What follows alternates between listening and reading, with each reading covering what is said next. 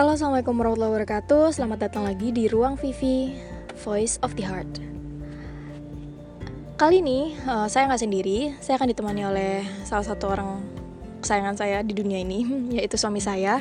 Kami akan membahas dengan tema apa lika-liku kehidupan rumah tangga mungkin. Oke, kali-kaliku kehidupan rumah tangga muda mungkin ya, ada Iya. mudanya karena kami masih muda nih. Atau enggak sih aku doang yang muda? Enggak, sama-sama muda kok tenang aja. Mau dicek KTP atau gimana? Enggak, enggak, udah. Enggak, Cukup. Oke. gimana nih menurut Mas Uta nih eh, secara spontan waktu dengar kata tantangan lika-liku rumah tangga muda itu apa sih? Ya, dalam rumah tangga menurut aku ya untuk lika-liku rumah tangga itu sangat wajar banget. Apalagi eh, di usia-usia kita ini masih usia yang Labil. labil dan butuh banyak. Belajar penyesuaian. Dari pengalaman kita aja di tahun pertama Terberat? Uh, mungkin kalau testimoni itu adalah tahun terberat kita karena apa karena uh, kita banyak melakukan kola uh, apa Penyesuaian. penyesuaian atau kalau bisa bahasa teknisnya tuh kayak kalibrasi ya jadi kita tuh dari dua orang yang berbeda dari dua keluarga yang berbeda dari pen- pendidikan yang beda juga Latar belakang. latar belakang ya dari semuanya tuh banyak yang beda gitu jadi pada saat kita berumah tangga kalau misalnya kita nggak melakukan kalibrasi itu bakal banyak banget cekcok Jadi yang pertama diakui dulu ya bahwa Ya. kita di tahun pertama itu adalah melakukan kalibrasi atau penyesuaian.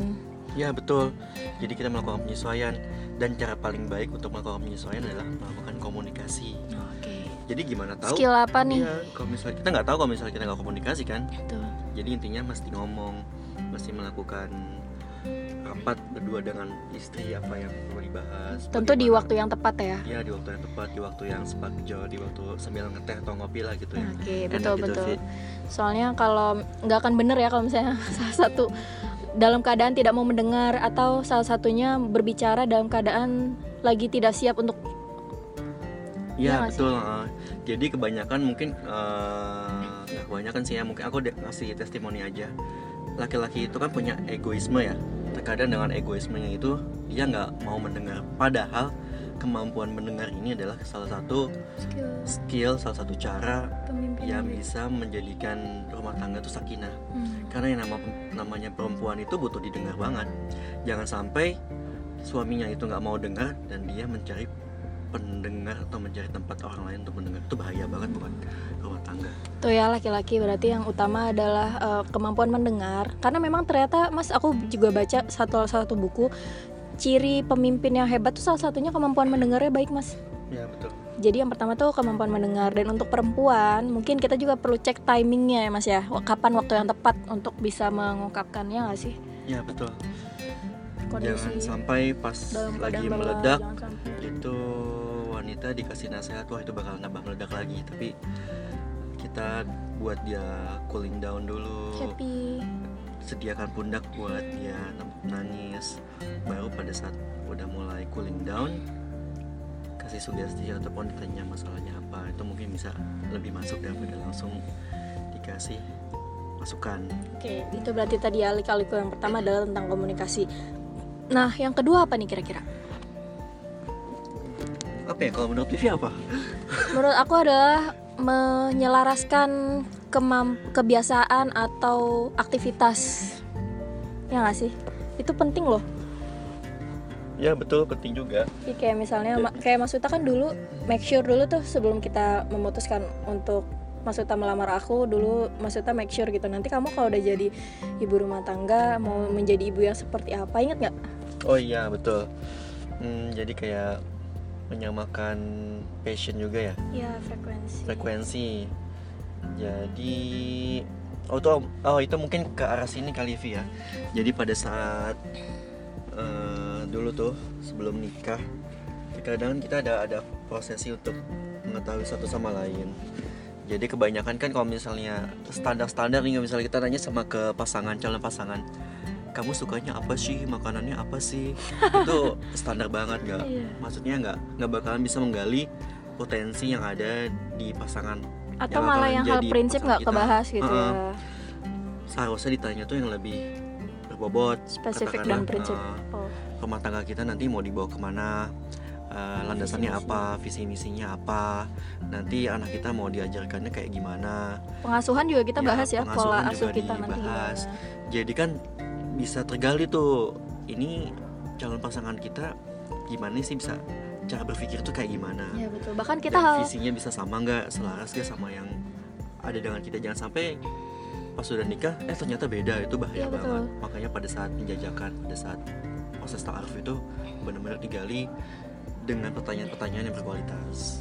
Bahkan kami bahas juga ya tentang masalah finansial masalah eh, maksudnya nanti sumber nafkahnya dari mana atau kayak misalnya kamu punya hutang atau enggak atau penghasilan kamu dari mana aja itu kami bahas ya jadi kayak jangan sampai kita me- menganggap bahwa keuangan itu hal yang tabu untuk dibicarakan karena itu tonggak utama maksudnya sumber halal atau enggaknya itu juga penting kan untuk keluarga. Ya. itu juga penting banget yang ditanyakan seorang wanita kepada calon suaminya nanti ditanyakan dan pastikan nafkah yang bakalan dia kasih ke buah anak dan istrinya itu adalah nafkah yang benar-benar halal. Kenapa? Balik lagi tadi ke tema yang tentang liku-liku permasalahan. Salah satu sumber ya? salah satu sumber eh, seringnya rumah tangga itu bertengkar atau ada cekcok. Salah satunya bisa jadi karena ada nafkah yang nggak halal, nafkah yang nggak berkah. Jadi penting banget buat seorang suami yang bisa, eh seorang istri yang bisa memastikan apa apa yang yang itu dibawa halal masuk ke dalam rumahnya itu adalah yang halal. iya betul Gitu. Oke nih udah mau masuk 7 menit Ya.